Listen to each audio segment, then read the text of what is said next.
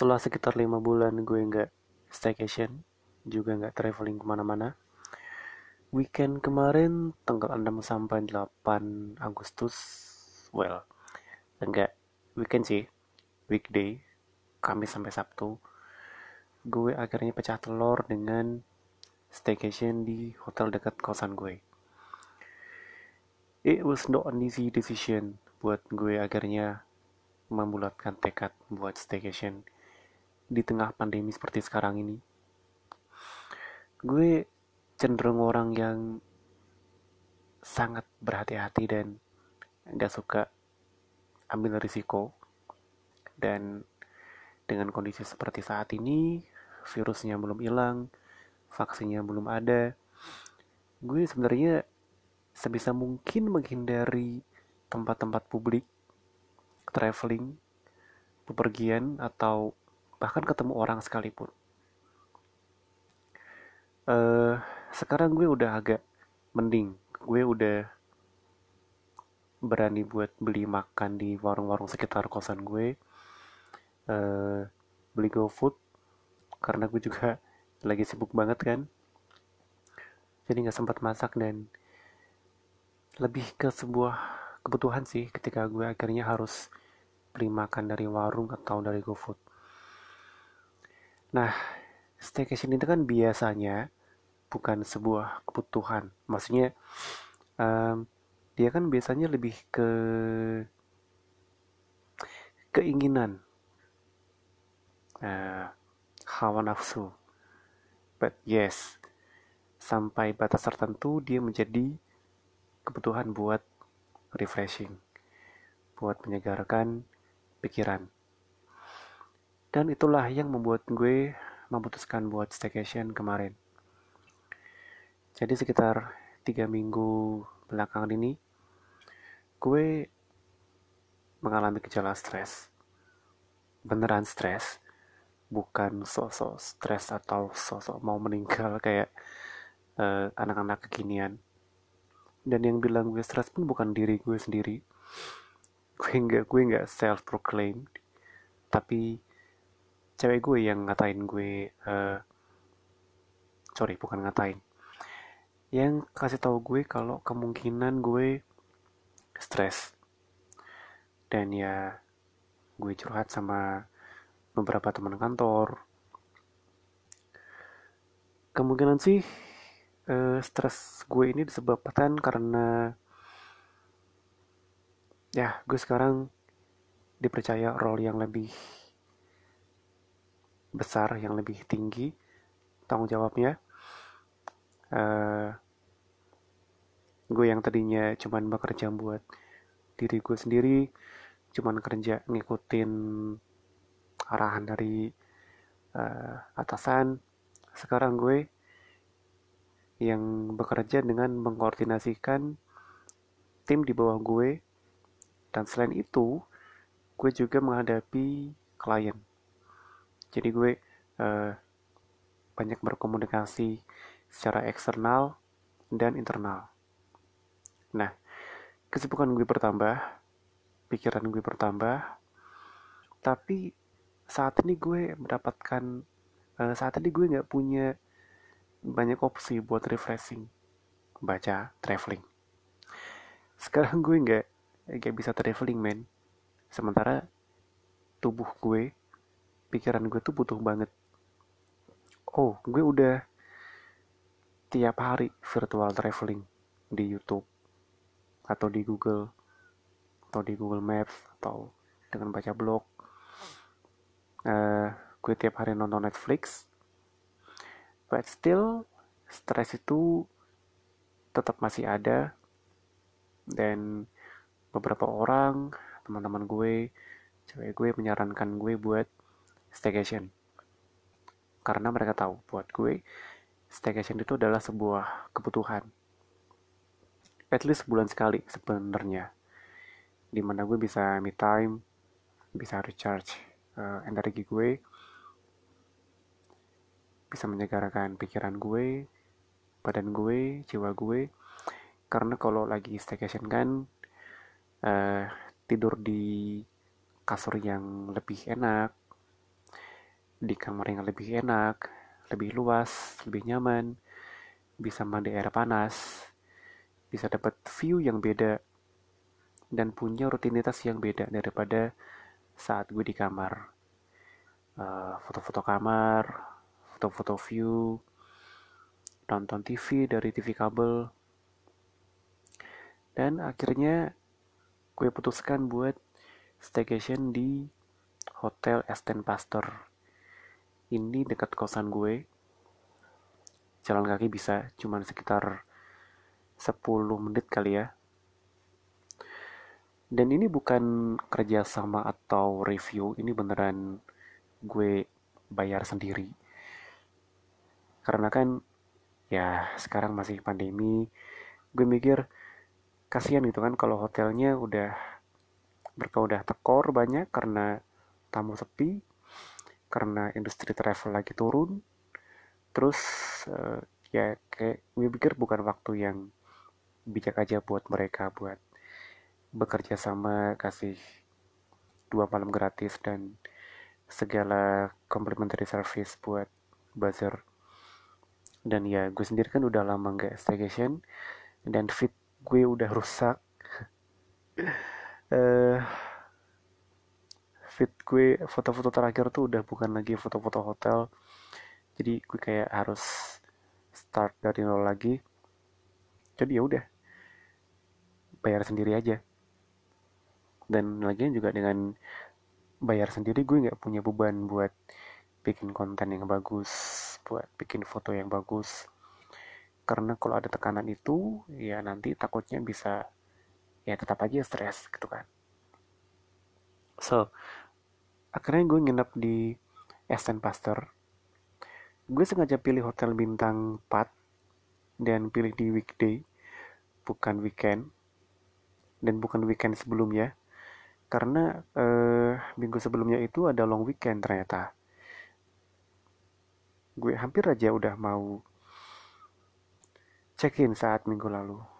Tapi dengan pertimbangan ada long weekend gue undur sampai ke minggu kemarin nah harapan gue dengan gue pilih hotel bintang 4 dan nginap di weekday eh, gue expect kondisinya sepi. Kondisinya sepi. Oh ya yeah, sebelum gue memutuskan buat nginap di Aston Pasteur gue eh, colek dulu hotelnya di Instagram gitu kan. Gue tanya gimana protokol kesehatan mereka selama pandemi dan setelah dijawab bahwa eh, mereka punya protokol yang sangat bagus. Jadi dari pertama masuk kita dicek suhu badannya dengan termometer. Terus kita juga dibukain pintunya sama petugas. Jadi kita nggak usah buka pintu dengan tangan kita sendiri. Terus juga kamarnya katanya di disinfektan dan ada opsi breakfast di kamar jadi dengan protokol itu eh, gue merasa cukup aman gue bisa tetap di dalam kamar terus tanpa banyak berinteraksi dengan orang lain, tanpa harus banyak berada di bagian hotel lain. Jadi keputuskan di Esten Pasteur. Nah, tibalah saat hari H. Gue udah semangat dari jam berapa ya? Sebelasan kali ya. Jam 12 gue mulai jalan kaki dari kosan ke hotel dan nyampe sekitar jam 12 per 4 Uh, seinget gue hotel bintang 4 tuh jam check-innya nggak nggak selama bintang budget uh, sorry nggak selama hotel bintang 3 atau hotel budget gitu.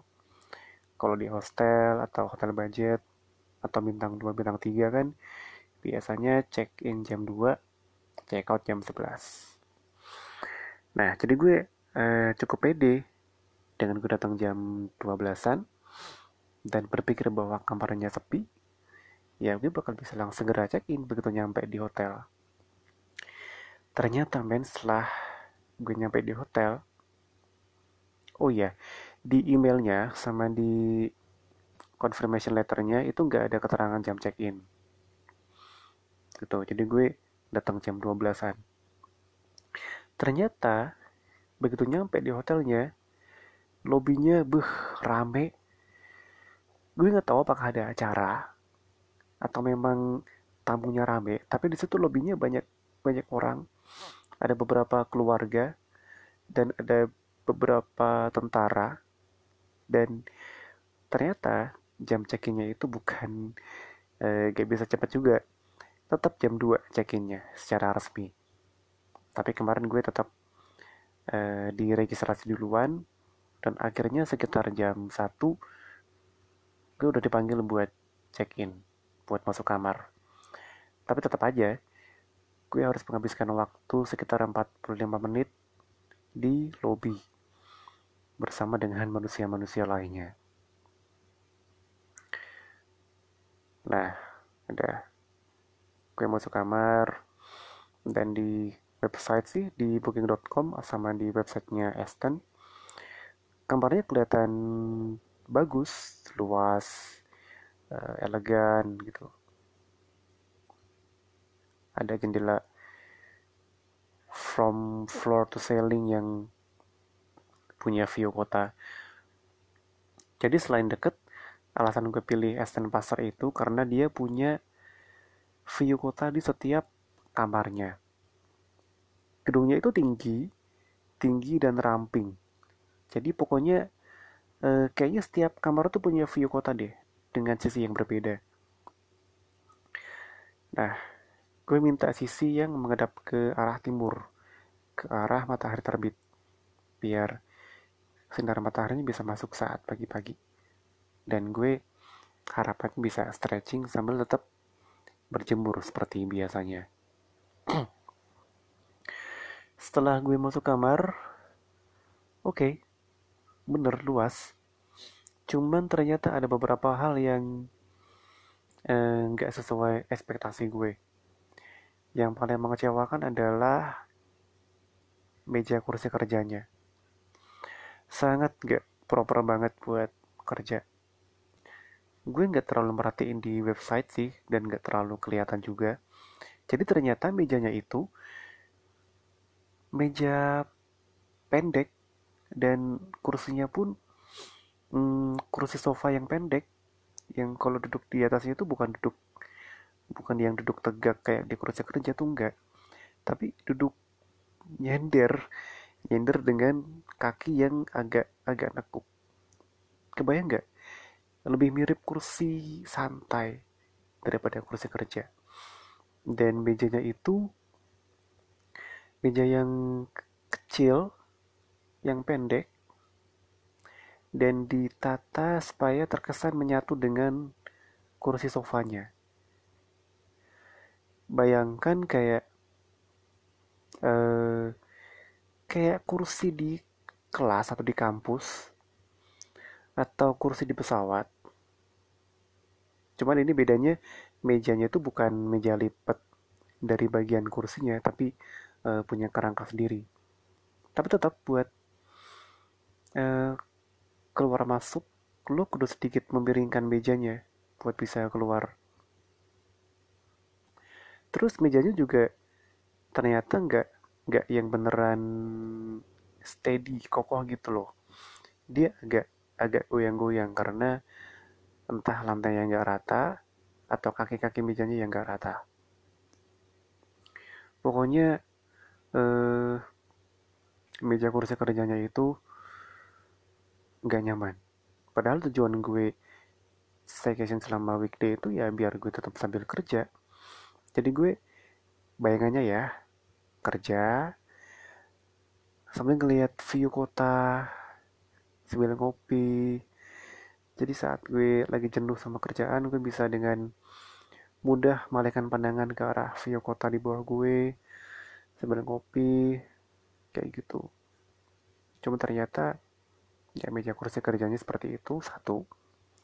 Terus dua eh, arah mejanya itu di pojok dan serong. Serong ke arah ranjang.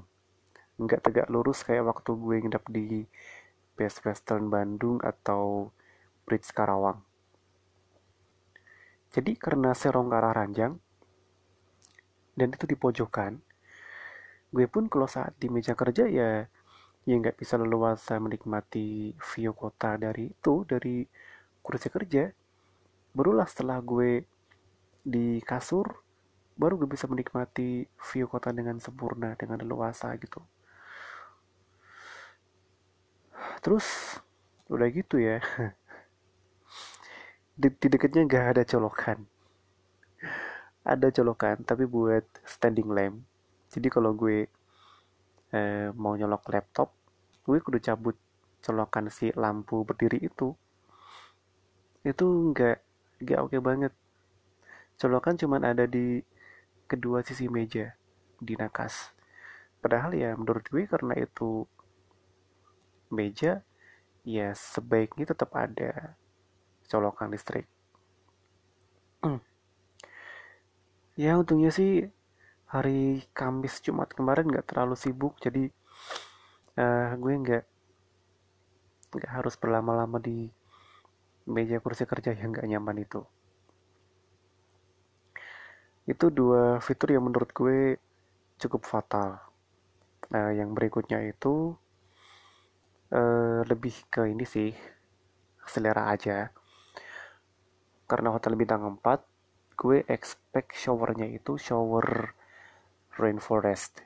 Itu loh yang bentuknya bisa kotak bisa bundar tapi dia hmm, bisa nempel di langit-langitnya atau dia tetap punya tiang kayak biasa tapi uh, tipenya rainforest. Ternyata showernya itu shower bukan yang pakai gagang juga sih. Emosi bukan pakai yang bukan yang harus kita pegang pakai tangan juga enggak. Tapi bentuknya bentuk kepalanya biasa bundar gitu. Semburannya juga biasa aja. Bukan semburan rainforest. Ya udah biasa di hotel pasti tahu maksud gue. Pokoknya intinya showernya nggak se fancy nggak se elegan bintangnya. Meskipun memang airnya menyebut deras dan derajat panasnya mudah diatur. At least it works well. Terus di area wastafel itu kan ada itu ada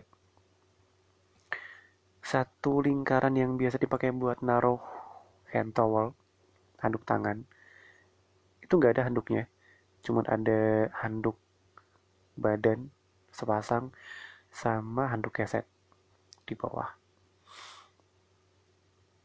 Terus eh, ini juga selera nggak ada karpet di kamar. Padahal menurut gue hotel sekelas itu terus ada karpet.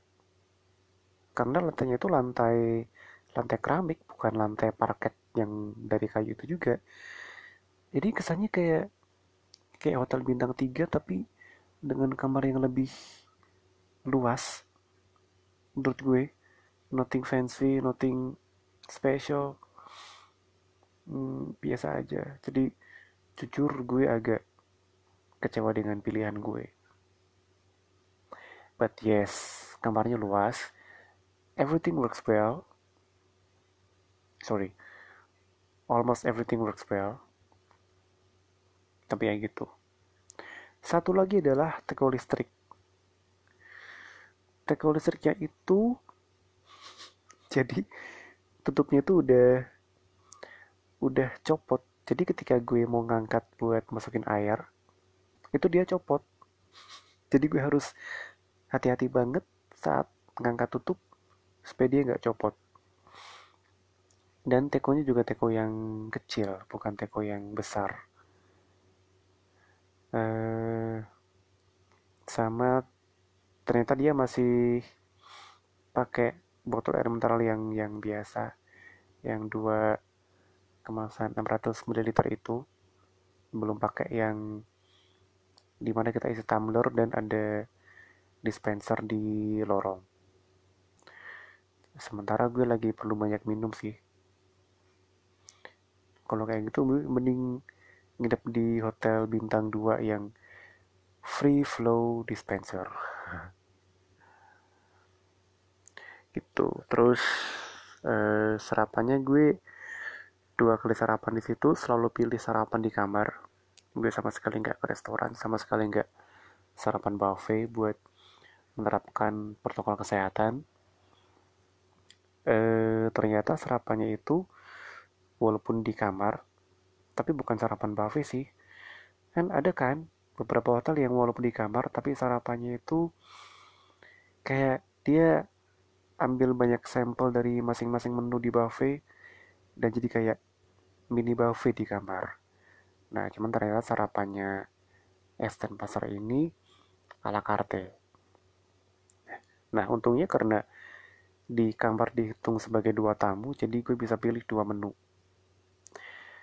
Tapi tetap sih, cuman ada empat menu, yaitu English breakfast, American breakfast, nasi goreng, dan mie goreng. Nah, eh, rasanya oke, okay. nggak yang luar biasa, tapi juga nggak yang bikin anak, ya bisa dimakan lah, edible, it's fine.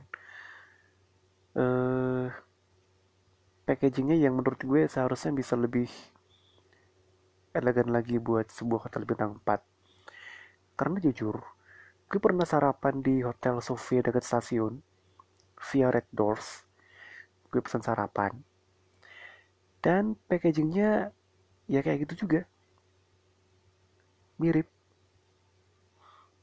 Uh, menurut gue packagingnya pengemasannya furnishing segala macam bisa dibuat lebih fancy lagi sih. Oh sama ini juga. Minumannya cuma dikasih jus dan nggak ada opsi buat minuman. Sementara waktu di Red Doors Hotel Sofia dekat stasiun Bandung itu itu aja dikasih kopi. Kopi. Dikasih kopi. At least minimal dikasih pilihan sih apakah bisa kopi atau bisa jus teh air putih segala macam sementara gue nggak nggak nggak suka jusnya itu juga. Jusnya itu kemanisan sih.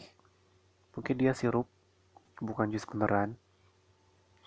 Jadi ya buat orang yang tiap hari minum kopi kayak gue gue cukup menyayangkan sarapannya nggak ada kopi. Dan cuman jus buat minumannya? Uh, check in check out berjalan lancar. Oh iya gue sekali pengen uh, pesan makan di hotel kan. Biar gue gak usah ribet keluar atau pesan GoFood. Tapi waktu itu gue sama sekali nggak ada cash.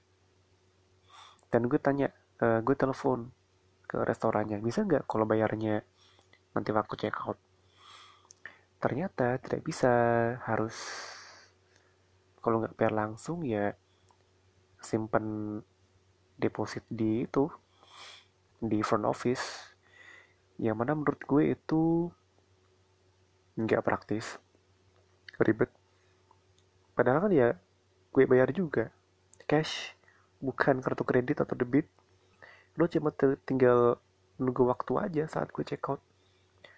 Dan gue juga nggak bisa kabur juga kan kalau misalnya saat check out gue nggak bayar uh, makanan gue sama dengan lu nggak akan bolehin gue pergi kalau gue belum bayar air minum satu setengah liter yang gue minum di kamar. Sama aja kan? Gitu. Jadi sayang sekali Asen Pastor gue sebenarnya pengen cobain makanan lu. Waktu itu ada kesempatan gue cobain makanan lo tapi elunya makes things complicated. Ya itu aja cerita gue staycation pertama kali setelah 5 bulan di Esten Pasteur. Overall gue kasih nilai 7 deh. Recommended banget sih enggak enggak terlalu recommended. Tapi enggak yang jelek juga uh, gue di musim kayak gini rate-nya adalah sekitar 500 ribuan buat satu malam. Tapi jujur, dengan rate segitu, lo bisa dapat hotel yang lebih bagus, yang fasilitasnya lebih oke, okay, yang kamarnya lebih instagramable, dan yang lokasinya di pusat kota atau lebih strategis. So, as ten pastor, I enjoyed my stay with you, but I believe you can do better. You can improve your service, your facilities. Karena gue yakin jaringan archipelago ini, Aston, Faith, itu punya potensi buat jadi hotel yang hotel, hotel yang sangat uh, disukai oleh masyarakat karena harga yang affordable, tampilan oke, okay, service oke, okay, dan lokasi oke. Okay. Oke, okay. thanks sudah dengerin. Gue mau tidur sekarang. Good night dan see you pada podcast berikutnya. Bye.